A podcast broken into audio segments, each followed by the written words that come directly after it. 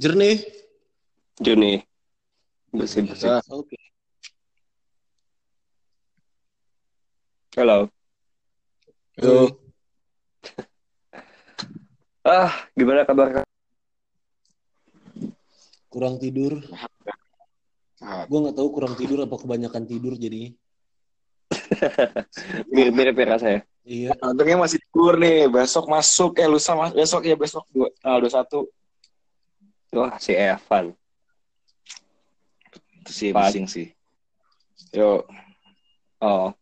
Enggak, tadi suara lu putus-putus oleh Suara siapa? Evan. tanggal 21 masuk. Nah, itu mulai pusing lah. Iya. Ini gue juga gue juga lagi kurang sehat sih, lagi lagi flu dan lain-lain. Untungnya liburnya tapi- pas kan game habis ya. Yoi. eh bener loh, tapi ngomong-ngomong kata lo jam tidur kita jadi jadi berantakan dengan kejadian. Lah emang pastilah kalau lu ikut. Iya, karena gue gak nyangka ada yang pertandingan jam satu gitu loh, kayak di minggu-minggu kemarin gitu kan. Gue kira kayak maksimal jam 10. Dia, ya udahlah. Tapi gak apa sih, gue gue seneng kita udah ngelewatin game week pertama yang yang menurut gue banyak hal-hal spektakuler, baik yang baik yang apa ya, mungkin memuaskan beberapa pihak, beberapa pihak lainnya. Cuman ya banyak sih yang yang bisa dibahas ya. Kayak waktu itu Adri bilang eh, tadi soal statistik gol dan lain-lain gitu lah sebenarnya. Jadi kita mau Buat ngebahas apa dulu nih? Buat Oh. gue sih ini pertanding eh, World Cup World Cup paling menarik mungkin buat Apa? Buat pengalaman gue pribadi ini World Cup paling menarik. Hmm, setuju. Tapi ngomongin statistik, Evan dulu deh. Van, Aha. Hmm. gimana Van? Set piece mulu, set piece, set piece semua nih Van. Enggak, 68% lah tadi. Sepas 68% tuh pas pertandingan eh sebelum pertandingan ini ya, sebelum pertandingan Polandia Senegal. Yep. Tapi udah udah menurun lah karena dua dua gol dua gol Senegal nggak dari set piece kan. Yep. Iya. Itu sih menurut gua eh, taktik mungkin ngaruh sih. Taktik ngaruh apa bola zaman sekarang udah berubah dari bola yang kita kenal dulu? Maksudnya bola Nah, jadi kotak gitu. Ya, tapi, tapi sego- bolanya sempat goblok. Bolanya sempat sempat dikritikkan sama beberapa kiper kayak De Gea tuh yang pas dia salah sebelum itu memang dia udah mengkritik bolanya. Iya iya. Eh, tapi menurut gua nggak sampai sejauh itu lah. Menurut gua taktik set piece memang salah satu yang menjadi perhatian utama pelatih pelatih sih di turnamen kayak gini. Berarti kalau kalau DG apa protes soal bola berarti balik kayak waktu di 2010 dong. Kayak waktu bola 2010 kayaknya lebih parah deh karena waktu itu booming banget ya. Kalau yang sekarang nggak begitu booming tapi tetap seenggaknya kiper sempat menyatakan kritiknya lah. Oh ya. Eh, masih masih masih dalam batas wajar ya kritikannya. ya? Ya bisa dibilang. Oke. Kapan Dri? Oh iya. Gue cuma mau ngomong selamat datang di ngoper ngopi bareng oper. Introduction yang Iya. sangat It's okay. Ya, welcome to Ngoper ya. Jadi kita kita mau lagi mau review review back lah. Satu minggu ini kita eh, udah menyaksikan apa aja di di World Cup. Bahas statistik. Ah, begitulah itu ya. Gimana? Lanjut Tapi lanjut. gila loh, free, free kicking jadi banyak banget kayaknya sekarang. Quintero Dia yang free kick ada, udah ada empat. Terus penalti juga gue lupa angka pastinya tapi banyak dan dibantu VAR kan Beba- sekian Iya. sekitar 30% lah dibantu VAR. Ya, itu kan Nah, juga ngomongin pengaruh VAR. piece itu kan. Iya. Ngomongin VAR. Ini kan Pengaruh- teknologi pengaruh mati. dari dari awal kayaknya dari awal diterapin di liga di liga mana pun selalu nuai kritik gitu kan. Mhm. Tapi waktu gua ngeliat di World Cup buat gua ngebantu banget loh. Menurut kalian gimana? Menurut gue sih nggak masalah sih. Bagus, bagus aja. Bagus-bagus aja kan? Bagus-bagus aja. Mungkin yang kesel itu karena kalah judi kayaknya. Tapi maksud gue Iya, banyak keputusan krusial yang kalau kalau dulu mungkin apa-apa bisa bisa ke VAR dulu pertandingan jadi lama gitu kan. Tapi gue ngeliatnya Hmm. sekarang kayak sesuai kebutuhan wasit gitu. Kalau wasitnya ngerasa butuh, baru dia ke VAR. Dan emang game changing banget. di-. Itu kan ada tim VAR-nya kan di atas. Dia kan juga ngasih tahu lu kadang-kadang tuh dia ngasih tahu bahwa lu kayaknya harus lihat dah, lu harus cek dah gitu. Emang Iya. beda, beda sama kayak kayak American football kalau NFL kan wah pelatih bisa minta kan sama bulu tangkis tuh juga begitu. Kalau ini nggak bisa. Itu menurut gue sejauh ini oke sih. Iya, gue juga nggak ada masalah. Dalam arti begini loh, memang urgensi dan dan dan tingkat pentingnya setiap match di Piala Dunia ini kan memang jauh lebih tinggi dibanding eh, liga gitu loh. Maksudnya eh, tanpa mendiskreditkan liga ya, tapi tapi kan ini benar-benar satu pertandingan yang lo nggak akan ngulangin lagi gitu loh. Dan menurut gue setiap menitnya dan setiap decision itu bisa mengubah pertandingan gitu. Dan menurut gue VAR ini VHR ini sangat sangat membantu gitu loh untuk eh, membantu referee untuk me- eh, mengambil keputusan apakah ini pelanggaran atau enggak gitu. Dan jujur semakin ke sini gue semakin puas sih dengan eh, dilibatkannya teknologi ke dalam sepak bola. Salah satunya yaitu eh, VAR dan eh, goal line teknologi itu benar-benar bagus banget sih kok kata gue. Nah, gue nggak bisa bilang puas sih gue nggak bisa bilang gue mendukung tapi menurut gue kalau dibilang gue menolak juga gue nggak nggak bilang gue menolak karena eh, nggak nggak mengganggu pertandingan seperti yang dibayangkan lah Hmm. cuman lu gini sih berharap lu, lu, lu mau berharap kontroversi terus tiap pertandingan kan konyol juga iya iya iya Nggak, Nyari tapi berita tapi gi- susah, coy. Iya, tapi gini Van, gue waktu itu sempat sempat sempat ngobrol sama temen gue juga. Gue, Dri, lo inget gak sih waktu itu ada yang pernah ngomong gini, gue lupa ini kapan dan di mana, cuman ada yang bilang gini, eh teknologi di sepak bola itu bikin bola jadi ngebosenin kan katanya. Jadi nggak ada yang seru lagi, nggak ada yang bisa dibuat berantem. Ingat gak sih lo ada yang pernah ngomong kayak gitu di, di Wah, itu somewhere gitu? itu masa lalu lah. Iya, Tapi- inget gak sih lo ada ada Mbak, Gue, gue personal sebagai orang yang berposisi sebagai back Ah, ngerasa emang teknologi ini nge- ngeganggu kita yang suka dirty trick gitu kan. suka main keras lah ya bisa dibilang. Tapi balik lagi, lu lu main bola kan tujuan awalnya eh, menang dan menang secara sportif gitu kan. Mhm. Jadi mana ada apa ya? mana Apa ya? ada sih gila lu Apa ya? Tujuannya menang secara for- sportif lah. Makanya mana sih gila makanya kagak lah ini coy. eh lu kalau udah udah jadi profesional Eh, kalau udah jadi profesional, sportivitas itu cuma terbatas dalam peraturan. Lu ketahuan ya iya, kalau ketahuan ya udah, nggak ketahuan ya bagus. Iya. Kalau enggak ya lu iya. makanya makanya gue suka banget kan pemain kayak Ramos yang nakal. Ya memang kita butuh kayak gitu pemain Indonesia pun perlu diajarin kayak gitu lu pemain Indonesia ketemu pemain Jepang yang udah profesional bener-bener profesional yang udah main di dunia kita mungkin bukan kalah teknik kadang-kadang kalah pinter Iya, gue gue setuju itu. Tapi maksudnya FIFA kan nih udah jadi kepalanya sepak bola dan dia bikin aturan fair play. Jadi bola yang sekarang kita tonton itu tujuannya buat menang secara sportif walaupun emang sebenarnya harus ada pemain pemain-pemain pinter kayak gitu. Dan itu itu Gila. jadi seni malah gara-gara dilarang. Iya. Itu jadi seni. gini lah gini VAR eh, golan meminimalisir drama-drama yang kan berarti kayak sekarang udah gol-golan teknologi nggak mungkin dong ada kejadian kayak Lampard Jerman gitu. Eh, gol Lampard sama lawan Jerman itu bakal turun bakal turun temurun gitu. Nah kan orang-orang eh, sebenarnya berpikir ke situnya bahwa wah ntar nggak seru lagi nih gak ada cerita-cerita kontroversial kayak gitu ya iya lu netral. Coba lu jadi pendukung Inggris. Ngap gak lu jadi orang Inggris aja bukan pendukung. Lu orang Inggris gitu ngap gak Indonesia digituin pikir aja sendiri begitu lah. Iya sih. Tapi Tapi tapi balik lagi ke Indonesia gitu Indonesia final AFF menit 93 bola udah lewat gak lewat garis tapi nggak diakuin nangis gak lu Ya, nangis lah nggak jadi nggak jadi ditraktir sama lu lah.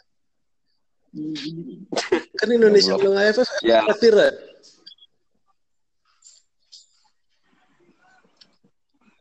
Iya itulah. Tapi balik lagi soal ba- ba- balik lagi soal fair play, gue sebenarnya juga tidak mengatakan bahwa yang yang yang bermain nakal itu nggak sportif sih kalau kata gue itu ada ada ada hal gimana ya ada distingsi yang jelas banget antara lo main kasar maksudnya lo main kotor dengan lo bermain nakal gitu ngerti nggak sih lo Mbak dia di, dia di, Iya.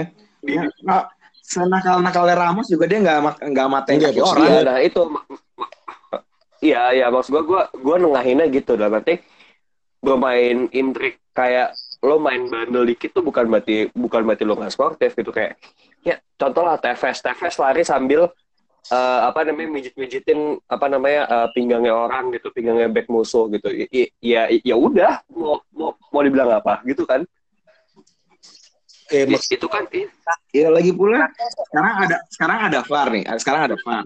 Game week pertama Piala Iya. Dunia seru kan? seru. seru. Seru ya udah. Seru. Ini ini mungkin Iya. Piala Dunia terseru di memori gue. iya nih gini Iya. yang nggak sportif itu lu gigit tangan orang nah itu nggak sportif itu itu lu Iya. lu Itu itu bukan kotor sih. Itu suara sa- ya ya mung- ya gue tau lah Suarez nggak pernah nyobain makan tangan orang cuman nggak pas lagi pertandingan juga gitu loh atau mungkin dia kelaparan susah makan gara-gara dia di, di Liverpool tim miskin gitu jadinya Anjir. Fans MU udah ser. jadinya jadinya begitulah nggak eh, sorry ya para scouser tolol gue nggak kemaksud kok ya itu intinya gitu Eh, Ramos gitu masih masih aman. Iya. Tapi apa kita bakal ngelihat Joey Barton Joey Barton berikutnya? Gue rasa enggak sih enggak sih enggak kan. Enggak, enggak, enggak, enggak. mungkin mungkin jangankan sekelas Joey Barton, sekelas Alan Smith saya mungkin nggak ada. Itu mereka bakal jadi legenda gara-gara teknologi gue rasa. Walaupun Iya. main pas-pasan. Iya. Tapi balik lagi, balik lagi World Cup. Balik lagi ke World Cup, Oke. Dari game week pertama, tim apa nih yang menurut kalian anjing? Kok bisa begini mereka gitu? Oke, tapi sebelumnya tapi, eh, Inggris. tapi sebelumnya sebelum lo sama Evan, maksudnya sebelum Andre sama Evan dan gue kasih jawaban, kita gimana kalau kita pilih sesi dulu? Kita hari sesi di sini. Kita apa? Iklan dulu nih. sesi eh, FAR di sini. Gimana? Tujuh? Iklan dulu, iklan dulu. Iklan. Oke, yuk. Oke oke.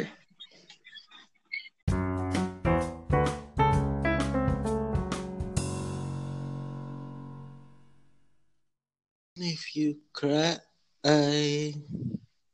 Halo? Nah kan? Nah, ini dia Evan ada. Halo. Oke. Oke. Sorry untuk gangguan teknis yang terjadi di sesi pertama ya. Tadi kita lagi ngebahas apa sebelumnya? Iya, pertanyaan gue ada nggak tim yang di match match day pertama lu ngerasa anjing kok mereka bisa kayak gini sih gitu. Secara keseluruhan ya, bukan secara skor aja ya. Yep, Oke. Keseluruhan. Van. Eh, Tadi gue jawab Van. Inggris lah, Inggris menarik karena dia main pakai tiga dua sampai tiga orang pemain nomor 10 yang which mean kreativitasnya oke, Sterling segala macam. ada Jesse Lingard juga di situ di tengah. Kane, Kane pun nggak terpaku, wah gue jadi striker mati, jadi permainannya hidup lah. Dan tanpa beban, jadi semangat. Dia law- kemarin lawan eh, Tunisia satu-satu sampai menit segitu tapi tetap semangat gitu nyerang nggak yang panik seperti biasa. Oh iya. Ada Mm-mm. ada perbaikan mental ya, walaupun Southgate sendiri waktu podcast awal kita kita bilang Southgate nih manajer mediocre gitu kan. Ya dan lu Iya. bahkan si, si Evan bilang katanya ini kurang sengklek apa otaknya orang Eva. Evan sampai bilang kayak gitu kan. Tapi lu ngeliat Tapi- ada perbaikan mental ya. Bukan mental. Tapi kalau yang paling mengejutkan bukan Inggris. Eh gue bisa bilang Rusia sih mengejutkan. Hmm. Eh, Memang lawannya Arab gitu, tapi Golovin mainnya oke, cari chef mainnya oke. Sebagai gua- tuan rumah buat dia gue bisa melaju jauh itu. Rusia itu hebat di pelatihnya. Pelatihnya yang namanya susah itu Bukan namanya siapa? Eh, dia punya pergantian pemain yang gila-gilaan pinternya gitu. Waktu Zagoev cedera, dia ganti sama Cheryshev dan nyetak dua gol ya kan. Iya. Terus Zubia juga baru masuk nyetak gol dan gol itu yang menurut gue ngebikin Arab drop mentalnya. I see. Jadi, I see. Terus. jadi pelatih pelatihnya emang menurut gue pinter banget sih. Bagus, Rusia bagus menurut gua. dan menurut gue bisa jadi Nggak, bukan yang nggak mungkin bisa sampai semifinal sih kalau momentumnya oke. Iya, ka- apalagi mereka kelihatan banget timnya udah ini ya, kelihatan udah ngeblend ya. Rusia Iya. ini ya. Dan tim lain yang itu Iceland oke menurut gue. Asal oke. Kalau kalau buat gue sendiri sih, kalau buat gue sendiri sih baru Jepang sih menurut gue. Jepang. Oke. Jepang. Kenapa Bur? Karena eh, ini mungkin performa terbaik Jepang yang pernah gue lihat selepas eh, eranya si Kawaguchi mungkin. 2002 ya itu ya, kalau nggak salah Adri ya. Yep. Kawaguchi dan Nakamoto. I mean like gue gue gue berkilah di gue berkilah di tahun 2014 di mana mereka benar-benar kayak tim yang memiliki ambisi besar dari Asia tapi tidak diseimbangi dengan kekuatan mental yang cukup gitu. Oke lah mereka lawannya waktu itu Kolombia dan Pantai Gading gitu eh, dan Yunani. Cuman maksud gue gini loh. eh, apa namanya eh, mereka bermain lebih terstruktur da- dan lebih tenang gitu. Sekarang mulai dari depan dan ke belakang gitu. Apalagi eh gue dalam turnamen apa dalam major turnamen ini untuk mungkin untuk pertama kalinya gue nggak ngeliat ada nama Keisuke Honda di starting line up gitu. Dan dia di- ditarik di bangku cadangan. Cuman performa mereka oke juga gitu. Dan apalagi tak eh, Inui gitu yang yang yang waktu itu zaman zaman zamannya di klub tuh mereka di eh, dia dipasangnya di kanan dan dia tiba-tiba disuruh ke kiri itu apa ya dan dengan performa mereka yang seperti ini sih gue ngerasa mereka punya potensi sih untuk tembus ke 16 besar lagi Oh, Gua Jepang Jepang juga buat gue menarik. Lu lu ngebahas Honda sama 2014. Heeh. Gue inget 2014 Honda pernah ngomong itu tahunnya Jepang bakal jadi juara World Cup. Iya iya iya. Dan mereka malah nggak menang sama gue. Yunani seri.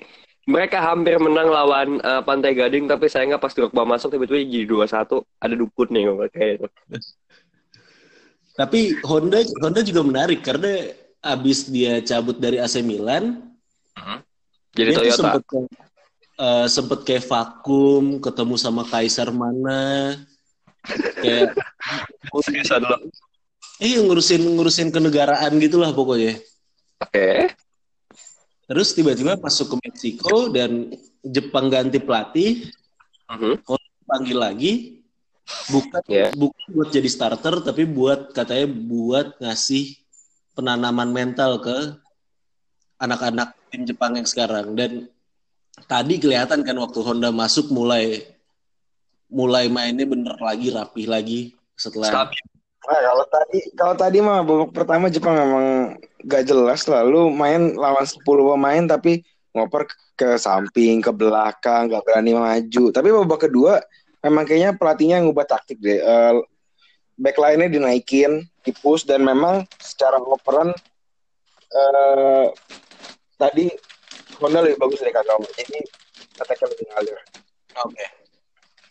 Iya. Honda, Honda buat gue gol kedua itu nggak bakal kejadian kalau bukan Honda yang umpan. Bukan Honda, iya, tapi kalau misalnya lu main kayak babak pertama ya caur lah. Caur. Lawan 10 pemain kebobolan satu gol diserang mulu. Yang gitu bisa Makanya kan kenapa si, si Peckerman berani masukin Hames? Karena dia ngerasa bisa nih gue serang nih. Hmm. Tapi nggak taunya si Jepangnya naikin backline, naikin pressingnya lebih tinggi. Pressingnya lebih tinggi lawan 11 orang ya lu kewalahan. Itu gue setuju. Iya sih, cuman we are talking about uh, Colombia yang punya Quintero, Falcao dan James gitu loh. Maksudnya dari dari dari segi kekuatan pun udah beda jauh sih Van sebenarnya. Lu nggak nggak bisa lah maksud gue gini. eh, Jepang itu bukan sebenarnya bukan tim yang otomatis kalah gitu sebenarnya lawan Kolombia masih bisa memberikan perlawanan kan. Tapi lu lawan 10 orang udah unggul 1-0 duluan, lu kagak nguasain pertandingan, lu ngasih Kolombia dikte tempo Hmm, gimana? iya iya iya. Paham paham. Itu lu kayak- itu kan tim yang menurut Mental lu kayak gitu nanti gitu ya susah lah. itu kan Iya. tim yang pada menurut menarik. Kalau yang fucked up siapa yang fucked up? Nah, Jerman lah. Enggak sih, pokoknya menurut gua Argentina mainnya parah cuy. Gue setuju sama Gue mengharapkan mengharapkan Argentina itu walaupun di satu sisi gue puji defense Iceland, ketenangannya Iceland. Eh, tapi Argentina gue berharap bahwa dia bisa eh, Argentina masuk final third. Eh, Iceland aja bingung mau ngapain, ngoper ke mana bingung, ngasih ke Messi, Messi walpas bisa dipotong. Kalau enggak ngasih ke depan, terus depannya bingung mau ke mana. Bahkan yang paling mati lagi sering dia nggak tahu mau ngoper ke mana. Ya apa bedanya sama Jerman yang tiba-tiba ngumuman ke tengah nggak jelas? Yang padahal Jerman masih sering nyerang, Iya. serangannya bagus. Memang Ochoa-nya juga mainnya bagus. Tapi Jerman tuh messed up coy. Lu punya Toni Kroos yang ngebantu Madrid juara tiga kali Champions League. Jadi motor Real Madrid. Tapi mereka malah makainya Joshua Kimmich buat jadi motor serangan. Gue itu mess up sih. Islandia tuh main nggak sebagus Meksiko. Gitu gue setuju. Tapi Islandia tetap rapi. Iya, Islandia tuh main nggak sebagus Meksiko. Menurut gue wajar Jerman kalah karena ketika itu Meksiko mainnya juga sangat bagus. Ini Islandia sebenarnya mainnya so-so. Lu masih bisa tembus. Dan bahkan lu dikasih kesempatan penalti terus gagal. Kan Gimana? eh, buat buat pendengar podcast kita mungkin mereka udah tahu nih kenapa Argentina gagal karena menurut gue Messi coy. Messi Oh iya. Messi terlalu ma- Enggak. terlalu maksain one two yang pendek-pendek gitu loh, Van. Ya mungkin memang taktiknya biasa begitu. Masalahnya pemainnya juga nggak ada kreativitas. Gue nggak tahu mungkin disuruh diem aja kali nggak boleh ngapa-ngapain. Itu dia, Van. Itu dia. Maria nggak gocek apa bingung ngapain. Apalagi Iya. habis Messi gagal penalti sih. Itu itu udah apa-apa Messi anjir. Ya, Messi itu kesannya kayak apa memberikan sinyal kepada timnya kayak pokoknya kalian harus oper gua ya gitu. Ada ada kayak gitu sih. Suaranya harus gitu ya. Ya, ya begitu. Ya gue sih mengibaratkannya gitu. Kayak, eh guys, nanti 90 menit bolanya kasih gua ya biar menang gitu. Kalau ya gimana ya? Ya tapi baik lagi kenapa kenapa gue bilang Jerman apa uh, mess up banget gitu. Ya, gue nggak mau nyebutin karena zona sektor tiba-tiba demam ya gitu. Gue nggak mau bilang kayak gitu juga. tapi gini deh. Eh, kalau kalau kalau kita berkilah balik ke 16 tahun yang lalu di Anjing. 2000 Nggak gini karena karena karena ini fakta yang cukup menarik gitu karena di 2002 sampai 2004 itu banyak transisi eh, yang yang menurut gue gila-gilaan banget lah di tahun 2003 ya menjelang Euro 2004 di situ eh, Carson Jangkar udah dipanggil Oliver, Oliver Neville udah, udah dipanggil masuk nama-nama baru kayak Philip Lam kayak eh, siapa itu namanya? Simon Rolfes. Terus kayak Bastian Schweinsteiger gitu. Ketika Jerman itu eh, melakukan sebuah transisi yang menurut cukup besar di major turnamen saja tuh mereka kewalahan karena mereka nggak tahu siapa yang mesti pilih sebagai uh, inis, inis, inisiator uh, bertahan dan menyerang. Karena Jerman itu adalah tim yang bermain sangat taktis dan sangat pragmatis di saat yang sama. Gua gua nggak tahu gimana gimana cara ngungkapinnya tapi terlalu kayak main catur lah bisa dibilang gitu. Jadi benar semuanya harus seimbang. Hal ini kejadian juga di 2004 di 2018 ya. Karena gue ngerasa kayak uh, mereka nggak mereka nggak cukup waktu untuk menentukan siapa yang menjadi motor penyerangan dan motor uh, dan dan dan otak bertahan sekaligus. Oke okay lah mereka punya humus dan Boateng gitu. Cuman men cuma dari 2000 dari 2006 tuh bahkan mereka tuh mengandalkan back sayap gitu sebagai sebagai sebagai apa namanya pelapis utama mereka. Oke. Okay. Ada Philip Lam dan Clemens Fritz gitu di situ dan bahkan lu Thorsten Frings di, di dijadiin back kanan juga kalau nggak salah waktu itu. I mean like mereka nggak punya siapa-siapa gitu di di di di, di, di lini sayap sekarang. Joshua Kimmich ya oke okay lah Joshua Kimmich dibayarin bagus gitu. Atau Marvin Plattenhardt yang gue bilang sekarang. Ini ini ini, bukannya gitu loh. Like ini bukanlah komposisi pemain yang bisa melapisi kejayaan Jerman di 2014 gitu. Di di tengah juga juga juga juga sama. Kayak apa namanya? Setelah ada Schweinsteiger mereka maksa, masih maksain Kedira dengan pengalamannya gitu. Padahal di di bangku cadangan tuh masih ada Leon Goretzka gitu.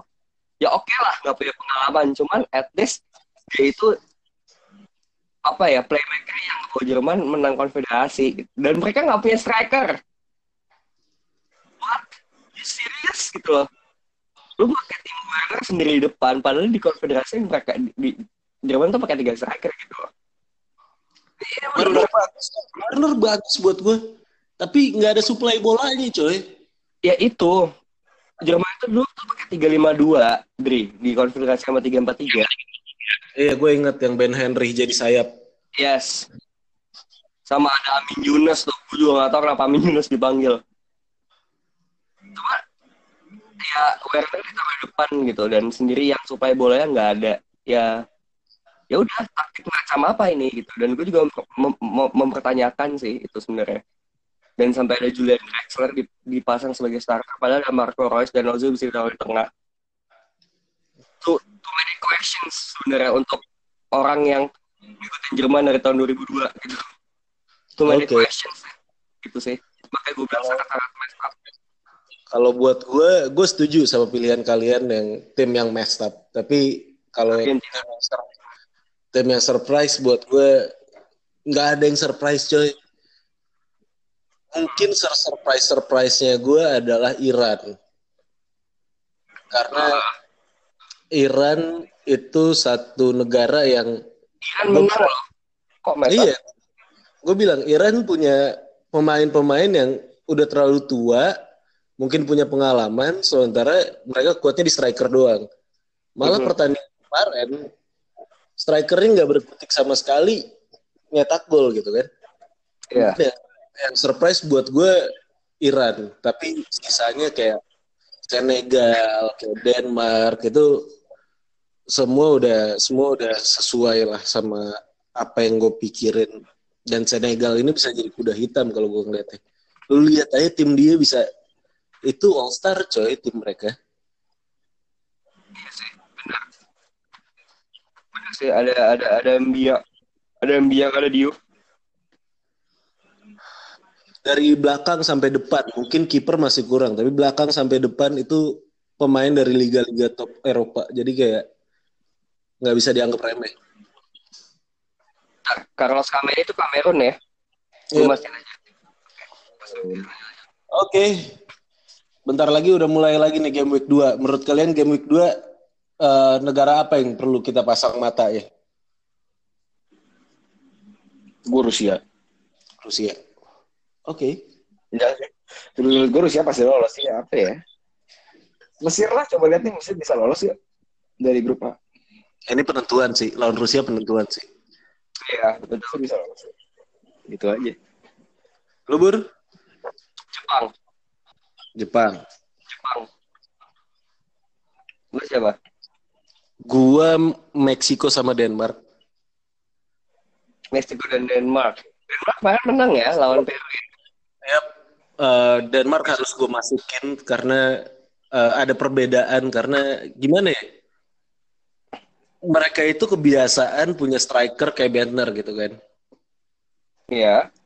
Jadi waktu lu main sama Yurari, lu main sama striker-striker yang lebih ngandelin bola-bola terobosan dibanding bola umpan, harus harus punya motor yang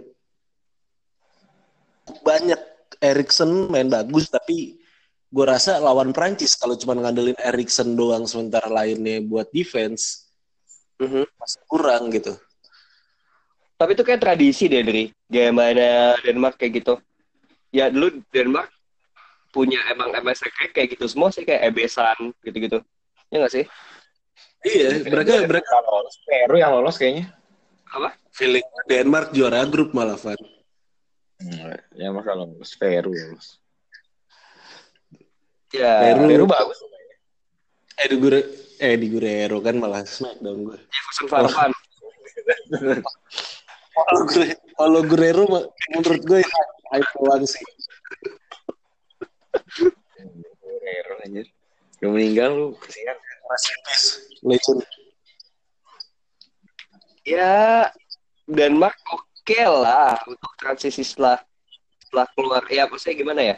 Gue juga berharap tim-tim yang yang underperform sih khususnya Jerman ya gue itu at least dari gue menginginkan eh, secara overall yang yang underperform bisa menunjukkan apa ya performanya yang lebih baik lagi dan semoga taktik tim-tim ini di game week kedua tuh lebih muncul jadi meminimalisir inilah apa namanya eh, penalti lah minimal gol-gol dari set piece atau penalti gitu. Dan Ya gue intinya mah kalau gue intinya mengharapkan game week gue yang seru lah. Siapa pun yang menang, siapa pun yang kalah, gue gak peduli. Yang penting seru. Siapa pun yang lolos, siapa pun yang angkat koper duluan ya. Yang penting seru. gue Ada gue drama misalnya, gol cepet atau apa gimana. pemain-pemain Gue yang ada di lapangan jangan goblok. Um Titi goblok. Handball sengaja. Carlos Sanchez goblok. Untung lu pemain Aston Villa. Dembele lu goblok. Dembele ya. Kesel. Jelek banget anjir. Kalau Messi, kalau Messi, kalau Messi ya udahlah emang kodratnya gitu kan. Kalau Messi ya gue udah bilang kalau dia masih kayak gini nggak bakal Argentina juara. Iya. Bakal. Oke. Lu udah mulai. Oke, ini juga pertandingan Rusia antar Mesir juga udah mulai saat kita record podcast ini. So, uh, thank you yang udah uh, join kita di session kali ini. Kalian bisa uh, follow juga update pertandingan dan lain-lain di Instagram kita di @overofficial atau di Twitter kita juga ya di dengan username yang sama @overofficial. So, ini adalah uh, podcast untuk uh, review game pertama dan juga preview game week kedua. Ya udah, gitu aja mungkin. Uh, sekarang saatnya kita menyaksikan pertandingan Rusia versus Mesir dan the rest of the second uh, week-nya Piala Dunia kali ini ya. So, uh, gue Rama. Gue Adri.